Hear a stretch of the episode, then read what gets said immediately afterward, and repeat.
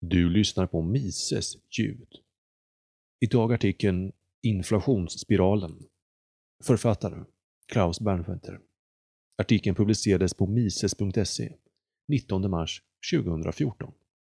Det råder ett utbrett missförstånd om inflation och deflation. Av alla förvirrade idéer håller jag just denna villfarelse mest kär.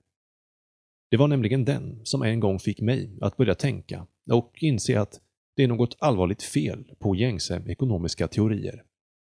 Den var min väg till den österrikiska ekonomiska skolan. Jag arbetade då i vad som kallas finansbranschen, det vill säga den skyddade verkstad som hjälper till att sätta sprätt på tant Agdas pensionssparingar långt innan hon är 65 år fyllda. Det är lättare än man kan tro. Det görs enklast med hjälp av bonusar, mutresor och fina middagar. En dag observerade jag finansarbetarna fulla av spänning, med näsorna mot dubbelskärmarna och fingrarna på säljknappen. Som så ofta nu för tiden rådde finanskris. Den stora frågan för dagen var huruvida den statsanställde byråkraten på Ekonominyheterna skulle utlysa recession eller ej. Recession definierades som att BNP hade fallit två kvartal i rad. De lika välbetalda och högutbildade finansarbetarna var alltså i färd med att göra stora affärer baserat på historiska händelser som definierats med statliga kriterier. Då föll plötsligt fjällen från mina ögon och jag insåg att här behövs en särskild sorts galenskap för att kunna ta detta på allvar och jag saknade det som krävdes. Det som ledde mig på rätt spår var en annan brännande fråga som väckade pannorna på finansarbetarna och de statistiska byråkraterna. Har vi deflation? Även svaret på den frågan bestämdes av historiska händelser och besvarades med vetenskaplig precision av staten. Deflation ansågs som något mycket farligt. Värre än om Sverige inte skulle gå vidare i Melodifestivalen. Själv började jag få nog. Jag vände mig till en av firmans smartaste, en så kallad makroekonom, även kallad strateg, eller på vanlig svenska en slags spåman. Jag frågade honom, vad spelar det för roll? Riksbanken har med sitt inflationsmål avsikten att förstöra pengarnas värde med 2% per år, men all ekonomisk verksamhet, som räntor, anpassar sig därefter. Om vi nu skulle få inflation med minus 2 det vill säga 2% deflation, så anpassar sig väl ekonomin och räntorna efter det istället. Så vad spelar det för roll? Jag fick det välbekanta svaret. Men om vi har deflation så kommer människor skjuta upp sin konsumtion, för det blir billigare att handla imorgon. Därmed bromsar ekonomin och det blir depression. Jag hade trots mina ekonomiska högskolepoäng svårt att förstå detta. Man måste väl ändå äta idag, även om potatisen blir billigare imorgon. Jag insåg att diskussionen inte skulle leda någon vart och ställde istället några elementära frågor till mig själv. Vad är inflation och var kommer den ifrån? Varför stiger priser hela tiden? Och varför hela friden har vi permanent finanskris? Det ledde mig snart in på nyckelfrågan. Vad är pengar? För att få svar vände jag mig till de som kan mest om ekonomi av alla. Riksbanken. Hemsidan förklarade inflationsmålet på 2 det hade valts enligt kriteriet “det ska vara så lågt att ingen bryr sig, men tillräckligt högt för att ge utrymme för felmätningar”. Den samlade ekonomiska klokskapen hade sedan kommit fram till att 2% var det tal som bäst uppfyllde detta dubbelkriterium. Detta blev bara konstigare och konstigare. För det första innebär 2% årlig inflation att penningvärdet får en halveringstid på 30 år. Jag försökte föreställa mig Riksbanksdirektionen förklara för den som sparar till sin pension att det är så lågt att ingen bryr sig. För det andra hade jag svårt att förstå varför man skulle få större mätfel om man mäter inflationen för ett lägre inflationsmål än ett högre. När jag läste mätteknik på KTH var det ingen som berättade att vissa tal är svårare att mäta med precision än andra. Jag kommer ihåg detta dubbelkriterium tydligt. För jag skickade ett mejl till Riksbanken och frågade vad 17 de menade. Jag fick aldrig något svar. Men några dagar senare ändrades formuleringen till denna, som finns där än idag. Riksbanken har valt att inflationsmålet ska vara 2% Vad som är rätt nivå på inflation är ingen exakt vetenskap. Den ska vara så låg att ingen bryr sig, men tillräckligt hög för att ge en buffert mot deflation. Det vill säga att prisnivån sjunker, eftersom att det kan skapa problem. Det är därför Riksbanken och andra centralbanker valt ett mål på 2% Mina funderingar ledde mig till att själv börja utveckla idéer om ekonomisk teori och jag kom en bit på vägen. Men snart ledde mina efterforskningar till något märkligt som tydligen kallades den österrikiska skolan. Jag insåg att den harmoniserade perfekt med mina egna trevande idéer. Jag läste Murray Rothbard och plötsligt förstod jag pengar, inflation, deflation, banker, centralbanker, konjunkturcykler och en hel drös med andra ekonomiska begrepp som alla mina utbildningar glömt att förklara. Ekonomijournalistik och finansbransch har allt sedan dess framstått som en pinsamhet. Insikten att staten är skyldig till finanskriserna och den ständiga inflationen förökade sig i mitt sinne. Ganska snart framstod hela statsapparaten som ett enormt dåligt skämt och skyldig till i princip allt som var fånigt, fult och fel i världen. Statens positiva bidragande är noll. Dess negativa bidrag är däremot ansenligt.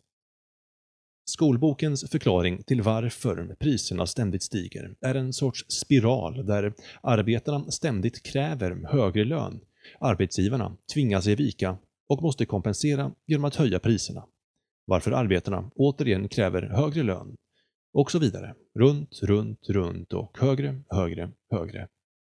Riksbankens roll är att vara ansvarsfull och bromsa spiralen till den optimala inflationstakten 2 en process som om Riksbanken inte fanns skulle spinna utom all kontroll och ingen vet hur illa det skulle bli. Denna förklaring är lika tokig som idén att deflation leder till ekonomisk depression. Ett enkelt sätt att förstå vad som händer är följande. 1. Det finns exakt 100 miljarder kronor i omlopp i Sverige. Det finns ingen centralbank. Bankerna har inga möjligheter att skapa kreditpengar. Under dessa antaganden kommer penningmängden förbli konstant 100 miljarder kronor. 2. Ekonomin är statisk. Ekonomisk tillväxt innebär att produktiviteten i ekonomin ökar. Det vill säga att vi kan producera mer med mindre insats. Om ekonomin är statisk har vi ingen ekonomisk tillväxt, eller krympning. I denna statiska ekonomi har priser och löner nått sina nivåer i enlighet med utbud och efterfrågan. Det råder balans, vilket innebär att det är lika stort tryck på krav för högre löner från arbetarna som från arbetsgivarna att sänka dem. Varför då? Betrakta det hela från ett företags synvinkel. En företagare vill maximera sin vinst. Han vill anställa varje arbetare som efter lönekostnader kommer bidra med ökad vinst. När det inte längre lönar sig att anställa fler kommer företaget inte göra det. Om en anställd skulle kräva mer lön måste företaget räkna ut om vinsten skulle drabbas mest av att 1. Gå med på lönekravet eller 2. Låta arbetaren gå. Förutom detta tryck på högre löner finns ett omvänt tryck från företaget att sänka löner eller ekvivalent göra sig av med folk som inte bidrar till att maximera vinsten. Det är alltså ingen naturlag att företagen skulle gå med på ständiga krav på högre löner. Det kunde lika gärna gå åt andra hållet. Arbetarna har ingen unik ställning som gör att de kan pressa upp lönerna varje år.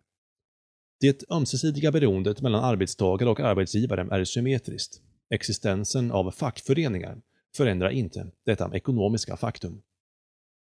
Det enda sättet för ett företag att höja löner och locka till sig mer arbetskraft är om det hittar sätt att få en ytterligare arbetare att bidra med vinst. Detta kräver att företaget hittat sätt att bli mer produktivt eller hittat nya affärsidéer. Det vill säga om företaget har möjlighet att växa. Men då har vi frångått antagandet om en statisk ekonomi.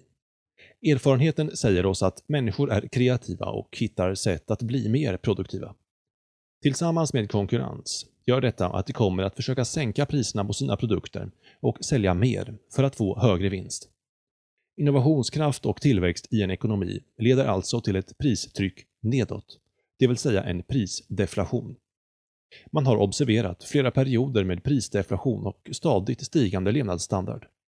Till exempel under industrialismen i slutet av 1800-talet och faktiskt även från 1200-tal ända till penningtryckaren Gustav Vasa och hans söner trädde in på scenen.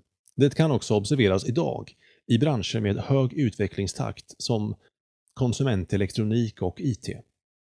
Trots all vår ekonomiska tillväxt ser vi att priserna generellt stiger. Vad beror det på? Jo, samma sak som fick priserna i Weimar-Tyskland och Zimbabwe och diverse sydamerikanska länder att explodera. Mängden pengar i omlopp ökar hela tiden. För att gå från vår statiska modell ovan och närma oss vår verkliga ekonomi måste vi upphäva inte bara antagandet nummer två ovan, utan även nummer ett. Vi har en riksbank och ett banksystem som tillsammans har ungefär dubblerat penningmängden var tionde år de senaste decennierna. Det motsvarar en snittökning i penningmängd om cirka 6% per år. Denna ökningstakt är så hög att den överskuggar den reella tillväxttakten i ekonomin och ger en nettoeffekt nominellt stigande priser. Riksbanken är allt annat än en kärleksfull ansvarstagande, inflationsbromsande myndighet. Den är tvärtom själva orsaken till inflationsspiralen. Både staten och banksystemet tjänar på inflation. Riksbanken är den förenade länken mellan de båda. Staten tjänar bland annat på att kunna beskatta de luftvinster som uppstår på grund av stigande priser. Betrakta till exempel någon som köper ett hus och säljer det tio år senare.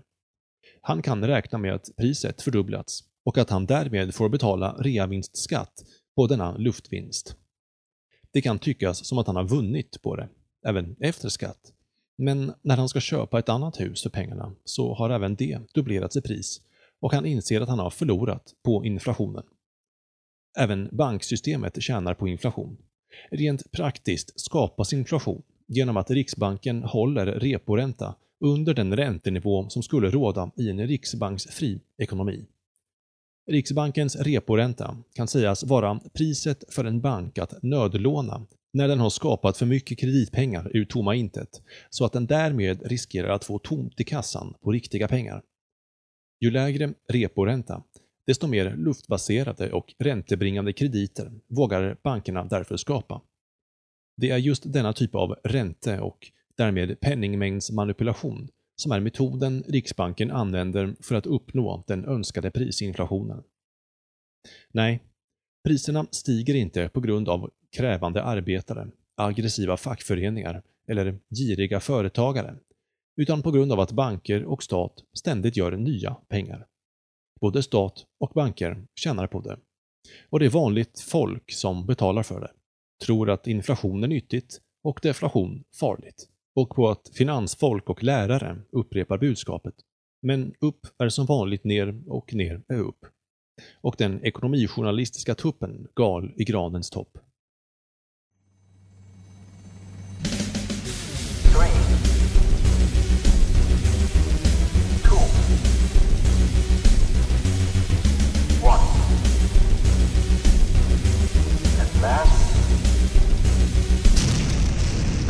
your trust in politics and political parties.